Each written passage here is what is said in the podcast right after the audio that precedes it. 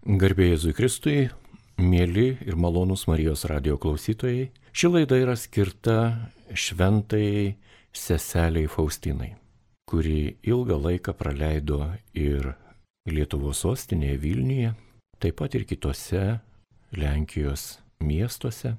Ir šiandien kalbėsime apie tai, kaip ji gyveno Vilniuje, kaip ji regėjo Jėzų Kristų ir pagal Jėzaus išsakytas mintis užrašė savo dienoraštį.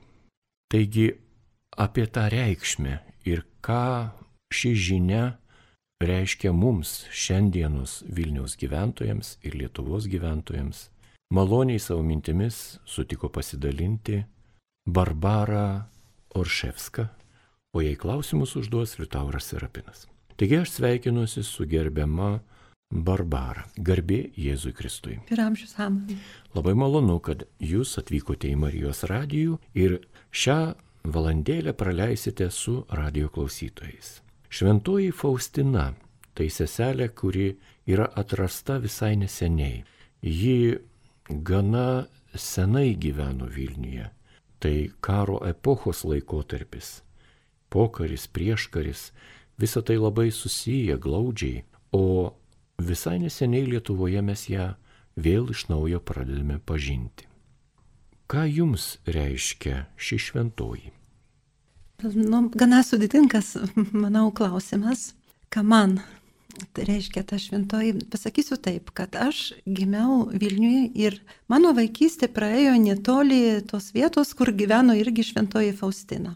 Aš nuo vaikystės girdėjau iš savo tėvų, kitų žmonių, kad ten šalia buvo kažkada prieš karą vienuolynas, kad ten gyveno, gyveno seseris ir net, pavyzdžiui, mano močiutė eidavo ten pirkti žemės, sodinti gėlės į vazonus į tą būtent į tą vienuolyną. Ir po daugelio metų aš taip savo pagalvoju, gal tai galėjo būti ir ta pardavėja tos žemės ir šventąją Faustiną. Tada nieks net nežinojo, nei turėjo supratimo. Šalia mano giminaičio namo tos vienuolės e, dažnai ten kaip ilsėdavosi miške, laukuose, su oškom, su karvėm, nes jie ten turėjo didelį ūkį ir tarp jų, gal tarp tų seserų irgi galėjo būti Faustina, bet nieks tada, nu, absoliučiai net į galvą netėjo, kad tai kažkas gali būti labai svarbus. Kaip žinome, jinai, jos iš vienos tokios pareigos buvo stovėti prie vienuolino ten vartų, kur ten klausti, ko, kas eina ir kokiu reikalu. Tai va, toks pirmas, bet nu, čia aš aišku tai pasakoju iš savo vaikystės, tokie prisiminimai, bet man tai paskui tai kaip ir pasakiau, tai aš savo pagalvoju, kad čia galėjo būti būtent ir ta, ta, ta šventąją. Nu ir tas kultas, tai jau žinoma, kad Vilniui, čia ypač e, tarp vietinių gyventojų, jis jau prasidėjo, tai būti toks žinomas, nu, kad nelabai toks garsus, bet, bet jau žinomas tai karo, karo metu, kai ypač vyrai, kai išeidavo iš namų ten kažkur tai kovoti, tai turėjo su savim būtent paveikslėlį Jėz, to gailestingųjų Jėzaus, nu, nu, nutapyto pagal šventąją Faustiną viziją.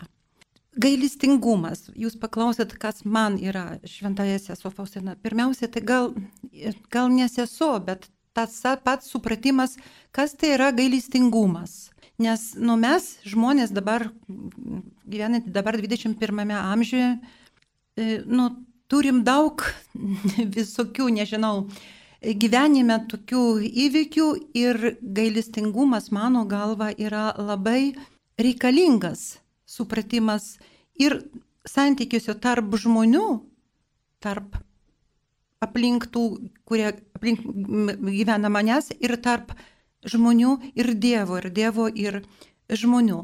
Aš gal tokią analogiją, taip man atėjo galva, jums pasakysiu, gal čia, nu, irgi, gal nelabai čia susijęs su, su šventai Faustina, bet gailestingumas tame yra. Ir kaip pasakiau, man tai yra svarbiausias. Švento Petro ir Povilo bažnyčio, tarp, irgi antakalnį. Prie durų stovi tokia labai įdomi skulptūra.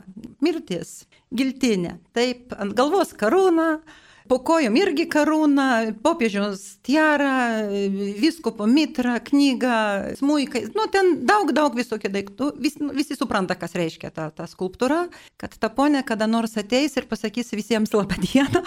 Bet virš tos e, skulptūros da, dar yra viena tokia kompozicija. Yra pristatytas Dievas Dievas.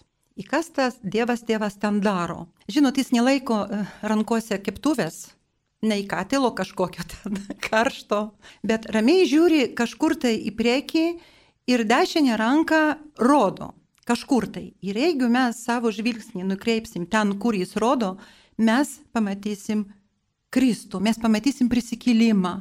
Tai reiškia, man tai labai aišku, kad būtent tame Kristuje yra tas gailestingumas. Mes patys išrenkam, ką mums yra svarbu. Ar mes išrenkam Kristaus mokymą, ar, ar nors tiesiog savo kažko, ar iš, vis tiek nieko.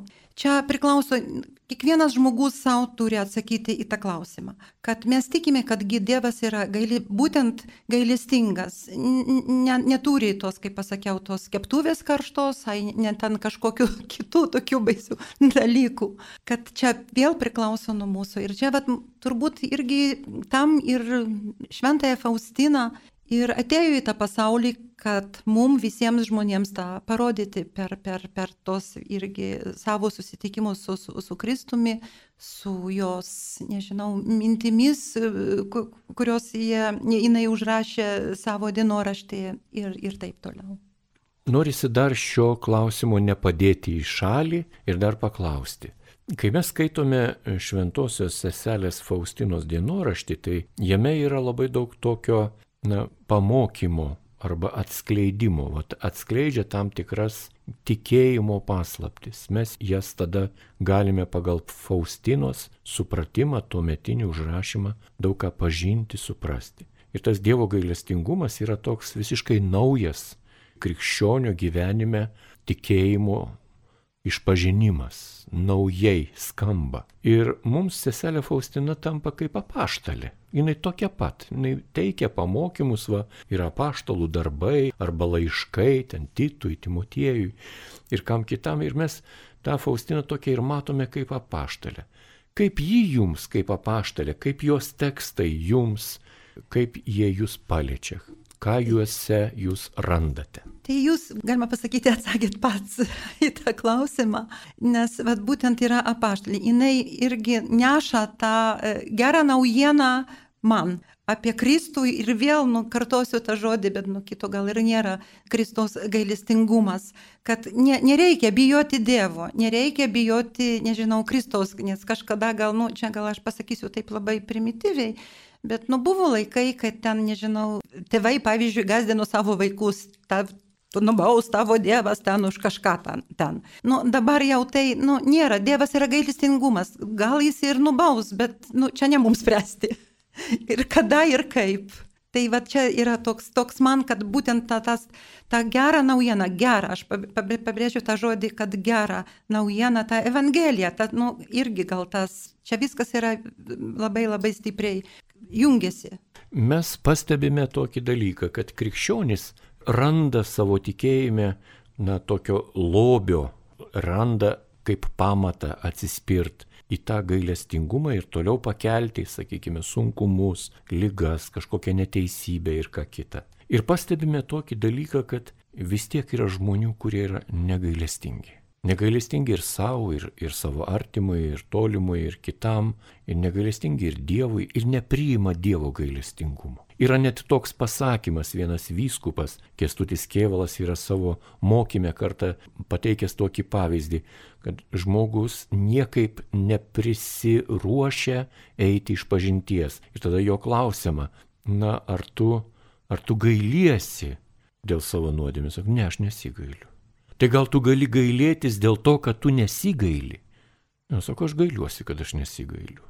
Ir jau tai yra pradžia išpažinties. Ir kai mes kalbame apie tą gailestingumą, kuris ateina iš Dievo ir žmogaus negailestingumą, ir savo, ir Dievui, ir kitam šalia esančiam, kaip jūs tą priimate, o tas negailestingumas iš žmonių? Nu, man atrodo, kad yra žmonės, nu, gyvename tokiame labai tas spalvotas pasaulis, nu, ne, ne, ne tą gerą prasme tą žodžio.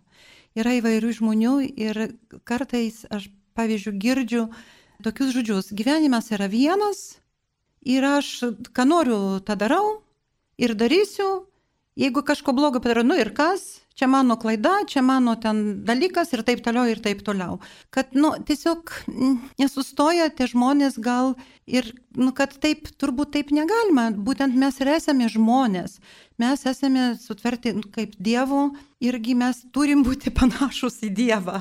Ir vėl tą patį mes, nu, kaip ratas yra uždaromas vėl, kad mes, nu, turim būti gailestingi vienas kitam, kitiems žmonėms, taip pat ir Dievui ir, ir taip toliau. Čia yra labai, man atrodo, kad čia yra labai platus klausimas ir atsakyti į jį taip greitai ir vienu sakiniu tai turbūt nėra įmanoma. Bet šiandienos akivaizdoje, kai mūsų kaimynai karo ginklais sprendžia kažkokius tai politinius, ekonominius, dar kažkokius tai įtakos klausimus. Negailestingai žudomus moteris, vaikai, vyrai, tėvai žūna be jokio gailėšio kropelytės be nieko. Kaip pakelti šį laikmetį?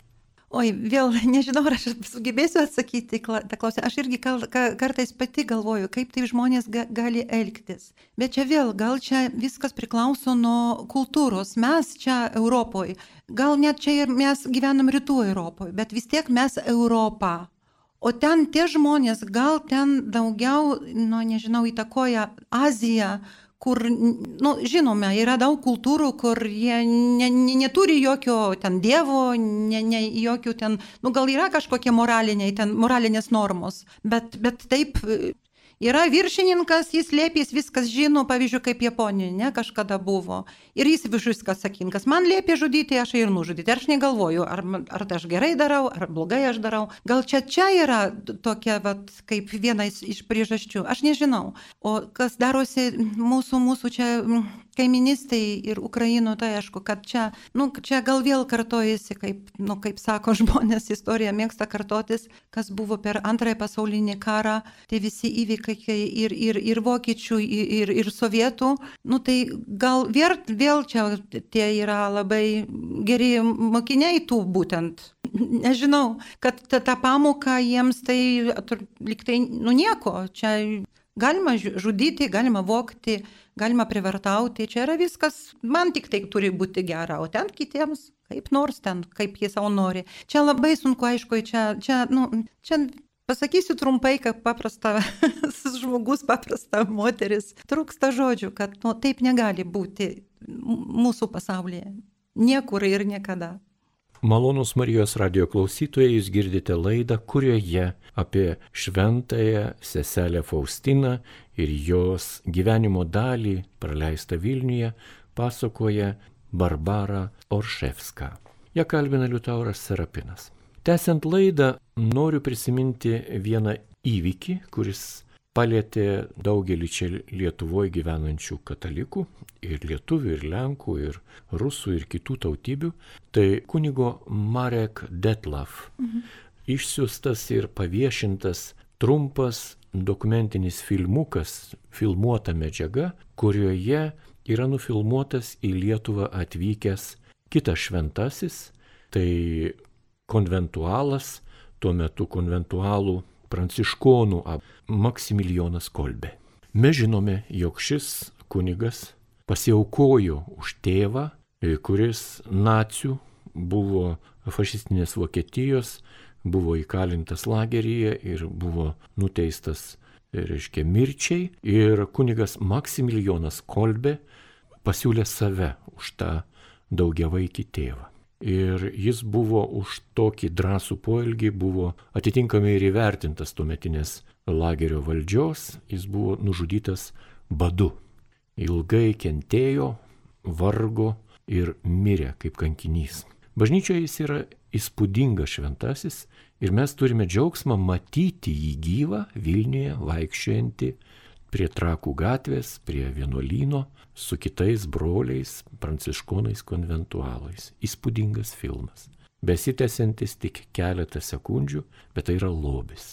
Gerbiama Barbara, norisi jūsų paklausti, ar jums teko matyti filmą Faustina. Taip, taip, be abejo. Ir gal apie jį galėtumėte truputį mums priminti, koks tai filmas ir apie ką. E, jūs turite omeny tą filmą e, iš 91 ar 3 metų ten tų laikų. Taip, nu, tas filmas yra apie Faustinos gyvenimą, apie nuo, nuo, nuo, nuo gimimo, galima, nuo vaikystės, galima pasakyti, iki, iki mirties. Toks biografinis filmas. Ir būtent dalis to filmo vyksta Vilniuje. Nu, aš kaip paprasta žiūro, žiūrovė to, to, to, to, to filmo galiu pasakyti, kad nu, filmas daro įspūdį, be abejo, ten tarp kitko labai geri aktoriai vaidina. Kaip, kaip pavyzdžiui, Danuta Šaflarska, tarp kitko, jinai irgi čia gyveno Vilniuje, jinai iš tų vieno iš tų vinolių tokia griežta buvo labai, ten konfliktavo su, su Faustina, nu, Segda irgi pagrindinė heroja ir taip toliau.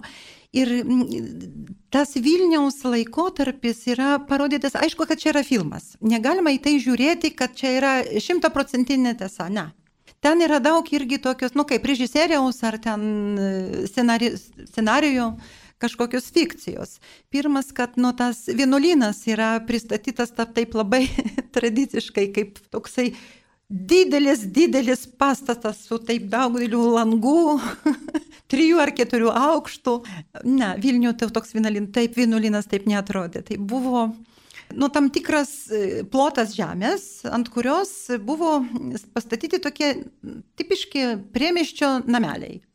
Tarptų namelių buvo e, lysvės, buvo ten kažkokie ūkiniai pastatai, kaip žinom, tos vienolės, tai jie, e, jų tai tokia pagrindinė veikla tai buvo auklyti e, mergaitės, e, kurios arba tai buvo našlaitės, arba tos, kurie, kurios ten nu, turėjo jau problemų su savo, ten, ne, nežinau, gyvenimo, kažkokius ten e, elgesio, vienu žodžiu. Tai, vat, tai, tai vienuolės kaip, vienuolės kaip auklėtojos, labai jos ten buvo išsilavintos, o šventoji Faustina paprasta mergina, tris klasės išsilavinimo, vos vos mokėjo skaityti, rašyti. Tai kokį dar, kažkokį darbą reikėjo jai duoti. Nu, tai, vat, kaip jau minėjau, stovėjo prie vartelių, dirbo darže, dirbo virtuviai. Žinau, kad jinai turėjo, čia kažkur tai perskaičiau, kad jinai turėjo talentą puošti tortus. Ji visada eidavo, kai buvo kažkokia šventė, tai buvo ten kviečia ją būtent puošti, daryti kažkokius gėlės iš, nežinau, iš tešlos ten aš ir iš marcipano gal kokio, kad tai labai gerai tai mokėjo. Tai paprasta vienuolė, kuria, nu, ne, gal nelabai buvo vertinta tarp kitų seserų ir tai irgi parodyta yra e, tame, tame, tame filme. Filme yra irgi parodyta ta visa istorija su paveikslu, su, su kunigo e, Mykolo Sopočko, kuris pirmas, galima pasakyti, gal išklausė tą seserį, suprato, ką jinai sako. Žinom, kad kitos seserys, kai jinai savo kitom vienuolėm, kitokioms vienuolėms pasakoja apie savo vizijas, nu, tai gal, jos galvojo, kad jinai ten kažką negerai su galva turi. O tas kunigas suprato, kad ne, čia nėra, čia, čia kažkas yra kitas, čia yra Dievo kažkoks ženklas, jis pats, jis pirmas, nu, patikėjo jai ir būtent taip pradėjo jinai rašyti visas, visas savo vizijas, savo mintis į taip mes dabar turim tą dienoraštį.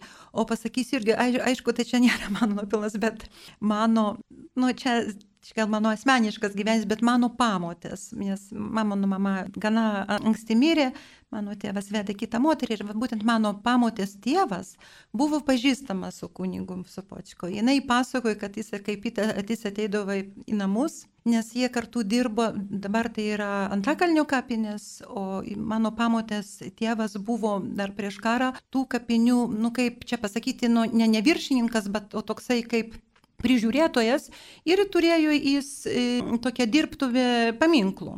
Buvo ir kartu būtent toks buvo, čia buvo nuo jo, jo, jo buvo ūkis ta, ta, ta, ta, ta, ta, e, tos kapinės. Tai jie kartu būtent dirbdavo, dirbo prie e, koplyčias. Aš žin, gal jūs žinot, kapinėse yra koplyčia, buvo dar statyto caro laikais stačiatikių. O prieš karą jinai buvo atiduota katalikams, o kuningas Sopočko buvo e, kapelionų. Taip, ir va, kariuomenės. Kariuomenės, tai būtent. Ir va, jie kartu ten statė tą koplyčią. Tai žinau, kad vat, iš mano pamotės žodžių, kad jis dažnai lankydavosi pas jų buvo namuose, kad buvo labai kuklus žmogus ir žmogus, kuris, nu tai gal čia mano tos pamotės, gal tokie prisiminimai, jau jinai irgi jau nėra tarp mūsų, sakė, kad tai buvo žmogus, kuriam, kuriam visiškai nesvarbu buvo tokie vat, žemiški dalykai, tokie, nu jam asmeniškai. Ten ta sutana kažkokia nelabai tvarkinga, nu ir kas. Batas ten vienas toks, kitas gal gali būti net kitas, nu ir kas. Vienu žodžiu, bet žmonėms, kitiems žmonėms buvo jis labai labai atviras, labai buvo malonus žmogus, taip iš mano pamotės būtent prisiminimų. Tai čia tik truputėlį šoka. Tikrai turėtume paminėti, e, kuniga jis buvo ir profesorius. Pasi, taip, taip, taip. Ir mes jį kažkaip nukuklinam. U, taip, taip, padarom taip, jis tokį... buvo universiteto, teologijos fakulteto, buvo rektoriumi. Tai, tai viską, taip, mes žinom, aišku. Bet čia tiesiog tokie va, asmeniškai prisiminimai iš, iš, iš, iš, mano, iš mano namų. Tai, tai va, tai ir grįžtant prie to, kad būtent kunigas pirmas suprato, kad čia kažkas tokio įdomaus dabar toj, per tą seserį galima sužinoti, arba kažkas ten, kažkokie įveikiai, kažką, eina kažko naujo. Ir kaip žinom, surado savo kaimyną, e, tapytoją Eugeniušą Kažimirovskį, kuris labai nenorėjo tapyti tą paveikslą, bet jis kažką tai įkalbino. Jį. Ir žinom, kad 34 metais jau paveikslas čia, bet kaiminystėje buvo pakabintas. Nu ir tai prasidėjo labai mažais žingsneliais tas kultas, kuris dabar yra žinomas beveik visame pasaulyje. Žinot, kas mane Barbara stebina. Mane stebina visoje šitoje, na, ir būtent šventosios seselės Faustinos istorijoje, jos dabartyje stebina du dalykai. Tai vienas yra tai, kad jeigu tas paveikslas toks svarbus, ir jo reikšmė katalikų bažnyčioje šiuo metu yra tokia kilni, tokia didi, kodėl jis nėra eksponuojamas bent jau kopija jo prie aušros vartų, ten, kur jisai buvo tuo metu pirmą kartą iškabintas. Tai vienas dalykas. Antras dalykas, kas mane stebina, mes žinome, kad profesoriaus karo kapeliono kunigo Mykolo Sopočkos dėka e, šis paveikslėlis buvo išdaugintas daugybė tiražų mažų tų paveikslėlių. Ir šiuo metu pabandykite Vilniuje gauti tą paveikslėlį su gailestingumo atvaizdu, Jėzaus gailestingumo paveikslu, restauruotų, sutvarkytų ir taip toliau, arba kokiu įrašu ir ką kitą. Deficitas nėra. Ir mane tai stebina. Kodėl? Na ir tęsiant kalbą, kadangi jau pradėjote kalbėti apie profesorių kunigą Mykolą Sopočko ir jūsų giminę, kas jums jisai yra, nes jisaigi irgi yra šventųjų eilėje įrašytas kaip palaimintasis. Nu, taip, nu, tas, tas, kuris, nu čia jo dėka, galime pasakyti, kad mes sužinojome ir apie Faustiną, ir apie Dievo gailestingumą, tą šiandieninę tą prasme. Bet aš noriu, vat, jūs, kad nėra to pavyzdėlio, noriu jums pasakyti dar vieną iš mano gyvenimo tokią patirtį. Prieš nežinau, kiek ten metų buvau Meksikoje. Ir e, šalia mūsų viešbučio, kur mes gyvenom, tai buvo toks, nedid... nu, gana didelis ar nedidelis miestas, nu nesvarbu, bet tokia labai turtinga, žinot, iš to dar to ispanų laikų barokinė bažnyčia. Kaip tik sekmadienis, aš sakau vyru, einam, žiūriu, ten tvarkaraštis tų mišių, kaip tik tinka valandą einam. Sakau į tą kaip tik. Nesvarbu, kad mes nelabai iki galo suprantam, bet nu čia mišios yra mišios visur vienodos. Nuėjom. Ir žinot, aš įėjau tą bažnyčią ir nus... pagrindinėme altorėje kaba mūsų paveikslas kopija. Gailestingumo man buvo, nu, nu, gal nepasakyčiau, kad buvo šokas, bet, nu, iš vienos pusės. Nu gerai, buvo mišios, baigėsi mišios, mes išeinam iš bažnyčios, o ten vyksta akcija. Matyt, ta bažnyčia priklauso kažkokiems vienuoliams, bet, nu, tokie, tokios tos vienuolios šiuolaikiškos, nes trumpus, nu, kaip tai tiesi, trumpi sijonai, nu, ne, ne, ne, ne iš tų laikų šventos Faustinos, bet yra pas mus tokių, tokių vienuolių. Ir dalina tos paveikslėlius su atvaizdu. Ir ten parašyta, kur ir kas ir taip toliau. Ir būtent ta, to mūsų paveikslų kopija, ne to, kuris kaba Lagivnikose, bet mūsų Vilniaus. Ir aš, ir, ir prieina prie manęs ta vienuolė irgi sakau, kad aš žinau tą kultą ir aš esu iš to miesto, iš kur Faustina. Jūs neįsivaizduojat, kokia buvo reakcija. Manęs jos, nu nežinau, pradėjo bučiuoti rankas į galvą, čiupinėti, liktai aš buvau kažkokia ir mano vyra taip pat. Jos negalėjo patikėti, kad aš iš to miesto. Žinot, čia vat, ir man aš pagalvoju, kad vat, gal čia yra toks, nu pas mus gal nėra tokio tikėjimo, ten jie dar turi tie žmonės ir tos seserės, tai tokie truputėlį indienų, ten to kraujo. Bet, bet, bet vis vien, vat, man tas iki šiol aš tai labai gerai prisimenu, kai jūs pasakėt, kad nėra to paveikslėlio, tai ten Meksiko yra. Taip, tai tikrai čia, antrinu, antrinu jums, nes turėjau tokią panašią kaip ir jūsų gerbiamą Barbarą istoriją. Junktinėse Amerikos valstijose yra toks Bostono miestas, jis labai žinomas, milžiniškas kultūros dalis Amerikos jau ypatinga. Ir ten yra senamestėje bažnytėlė, kuri nuo amžių, nuo senų laikų yra banginių medžiotojų katalikiška bažnyčia. Ir toje banginių medžiotojų katalikiškoje bažnyčioje taip pat yra būtent ne lagiernikų kopija, bet Vilniaus kopija Dievo gailestingumo paveikslo. Ir mane lygiai taip pat ir nustebino, kad ten va, žmonės kažkaip priima, supranta ir ką kitą. Šioje vietoje aš norėčiau jums, gerbiamą Barbarą, pasakyti komplimentą. Jūs esate Lenkė, bet jūs labai gražiai kalbate lietuviškai. Ačiū, ne, tai čia, čia mano truputėlį, kai dar tai yra nestresas, bet nu, truputėlį toks jaudėlys, tai man kartais ten ležuvis. Labai jums ačiū už komplimentą. Labai gražiai. Tęsėme laidą ir šiandien kalbėdami apie šventąją seselę Faustiną Kovalską, turime gerą progą išgirsti Barbara Orševska, kuri mums primena ir labai svarbų kultūrinį krikščioniškos kultūros vieną iš puslapių, tai filmą apie Šventąją Faustiną. Kaip pavaizduota pati Faustina šiame filme? Ar galėtumėte papasakoti? Čia gal reikia kokių, nežinau, filmų kritikų. Aš nesu, bet, nu, kaip paprasta žiūrovė, tai manau, kad, nu, čia gera aktorė, Magdalena Segda vaidino ir man atrodo, kad taip ir galėjo būti. Sunku, sunku įsivaizduoti, jeigu tą, ką mes žinom iš, nu, iš kažkokių, nežinau, šaltinių ten prisiminimų, kad tai buvo paprasta mergina, paprasta, labai paprasta mergina. Žinot, gal dabar šiais laikais, nu, kaip yra tie nu nepasakysiu, kad sluoksniai bendruomenės žmonių, bet tada gal buvo daugiau žmonės, tai galėjau, nežinau kaip čia, ar, ar jaučia, jautė, ar, ar, ar kaip, nes čia paprasta mergina iš kaimo, O tos seseris galėjo būti ten, aš kažkokio nežinau, ar, ar iš bajorų, ar iš, net iš didikų, nes buvo tokia tradicija, žinot, kiek ten trys ar penkios dukros, tai ten viena ar dvi turėjo eiti į vienuolyną.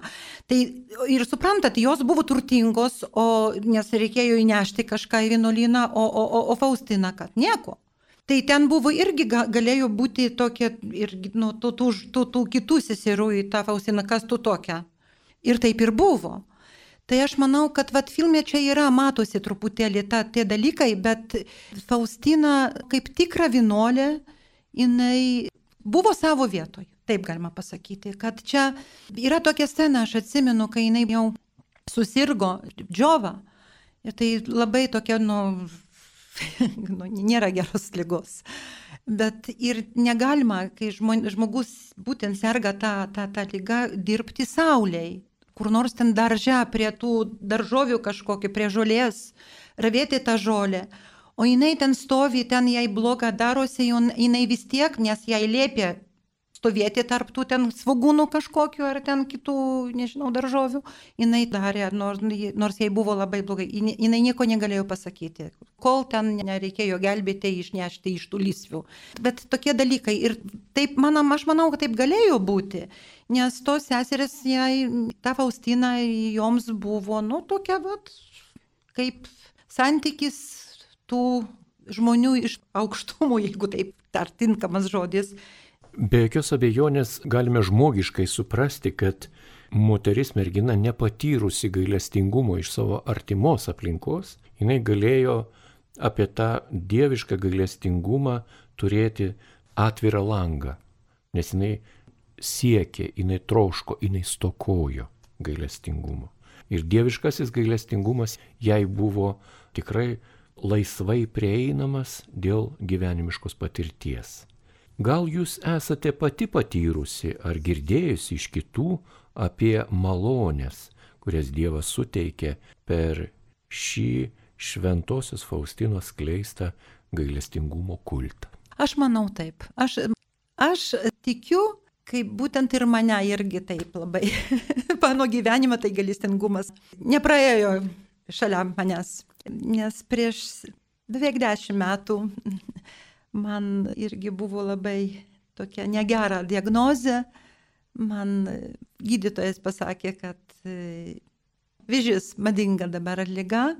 Man buvo labai sunku ir aš tada pasakiau, kad būtent Dievo galestingumui, kad aš dar turiu nu, vaikus, šeimą, gal, gal dar verta gyventi, jeigu Dievas leis. Nu ir ačiū Dievui viskas ir Dievo galestingumui viskas baigėsi labai gerai. Ką jūs patartumėte arba ką galėtumėte pasakyti tiems žmonėms, kurie su ironija arba skeptiškai žiūri į šventosios seselės Faustinos palikimą, jos dienoraščio turinį ir Dievo gailestingumo apsireiškimą mums čia ir dabar? Nu, čia tik tikėjimo, aš manau, kad čia yra tiesiog tikėjimas. Daugiau, nu, ką galima pasakyti. Žinot, net, nu jūs žinot, kad net ir, gal čia labai netinka man dabar tą sakyti, bet jūs puikiai žinot, kad net ir bažnyčioj nėra privaloma tikėti būtent Dievo galestingumo kultą. Nėra privaloma. Ma privaloma, jeigu tie, kurie save vadina tikinčiais žmonėmis, tai paskutinis tai yra šventas Jonas e, apaštalas, jo yra ten tie visi apriškimai, jo evangelija tai yra paskutinis iš to, kurios mes ten tikim. O visi kiti kultai tai čia kaip nori. Tai Tai negalima tiesiog, nu nežinau, rodyti, aiškinti. Bet čia vėl vienas pasakys taip, o kitas e, juokiasi. Taip čia, žinot, kaip turbūt yra žmonės ir žmonės. Labai sunkus klausimas. Iš tikrųjų, aš manau, kad čia, nu, gal pasaulio pradžios, kad nėra taip, kad visi žmonės žiūri į vieną pusę, eina į vieną pusę, tiki į vieną Dievą Taip niekada nebuvo ir turbūt ir nebus. Gal čia, nu taip skamba nelabai. o ką Jūs pasakytumėte apie tą gailestingumo, Dievo gailestingumo dovaną žmonijai, nes mes turime daug dovanų iš bažnyčios rankų gaunamų, tai yra ir atlaidų malonė, ir sakramentai, ir ką kita, čia galima būtų atskirą laidą daryti ir ką kita. Bet apie gailestingumą būtent kalbame Šventojios Faustinos regėjimų šviesoje ir dienoraščio šviesoje. Ir ar ta Dievo gailestingumo žinia pakankamai yra paskleista po pasaulį? Kaip jums atrodo? Ne. Man Kodėl? Kodėl? Kodėl? Nu, todėl, kad žmonės, nu, žiūri vieni taip, o kiti sako, kad ne, kad čia kažkokia nesąmonė. Nu, girdisi taip žmonės sako. Ar gal reikia, kad tokiems žmonėms, kad kažko, žinot, yra, pasakysiu tokia lenkiška patarlė, jak trvoga to do Boga. Suprantat, kai yra kažkokia kaip nelaimė, tai kaip prie Dievo, taip. Būtent, kaip bėda, taip, taip, taip, taip, taip, taip prie Dievo. Tai vad gal tos bėdų nėra. kai jau kažkas ten žmonėms, tai tada bėga visi į bažnyčią, bėga ten melstis, dar kažko ten aukoja kažką. O taip tai nereikia. Tai gal to, nu, bet nereikia tų bėdų, nereikia. Tegul žmonės gyvena ramybėje, sveikatoje ir taip toliau. O jeigu kalbėtume dar detaliau, dar konkrečiau apie Šventojios Faustinos patį dienoraštį, apie tai, kas užrašyta mhm. juodu ant balto, kodėl žmonės mažai skaito šį dienoraštį? Aš manau, kad čia yra sudėtinga skaitimas, nes suprasti viską, ir, nu, čia reikia ir daug turbūt ir, ir žinoti, ir, ir, ir teologijos, gal ir filosofijos, nors atrodo, kad rašė pusiau raštingas žmogus. Bet, na, bet čia buvo tik tai jos ranka rašyta, o rašė pats Dievas. Ir suprasti vienas, nu, tai čia reikia iš tikrųjų labai, labai, labai įsigilinti, labai daug perskaityti kitų knygų ir mokslinių gal veikalų, kad viską suprasti ir todėl žmonės neskaito, todėl kad nesupranta. Tai čia man taip atrodo.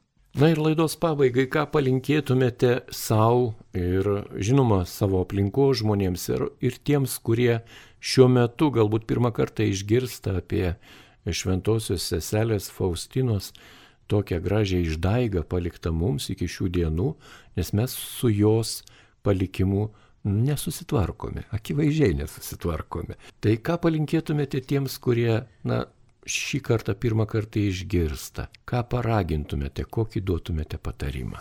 Laidos pabaigai. Aš, aš manau, kad kiek, kiekvienas turi pradėti nuo savęs. Čia aš sakau tokį sakinį, kad nu, visi mes žinom, gal iš mokyklos ten iš trečios klasės, ten mokytojai mums, mums sakydavo, kad būtent nuo savęs, kad mes turim būti gailestingi vieni kitiems žmonėms ir tada Dievas, man taip atrodo, bus irgi gailestingas mums. Tai mano tokia logika. Dėkojame Jums už gražų žodį, dėkojame už tai, kad atvykote į Marijos radiją ir pasidalinote tą žinę ir tuo faktu, kaip Jūsų gyvenimą palėtė šventoji seselė Faustina ir ją supė žmonės, o būtent profesorius kunigas Mykolas Sopočko. Taigi šiandien su Jumis, mėly radio klausytojai, apie šventąją Faustiną, jos palikimą dalinosi ir pasakojo Barbara Orševska, o ją kalbino Liutauras Serapinas, ragindamas jūs toliau likti kartu su Marijos radio programa.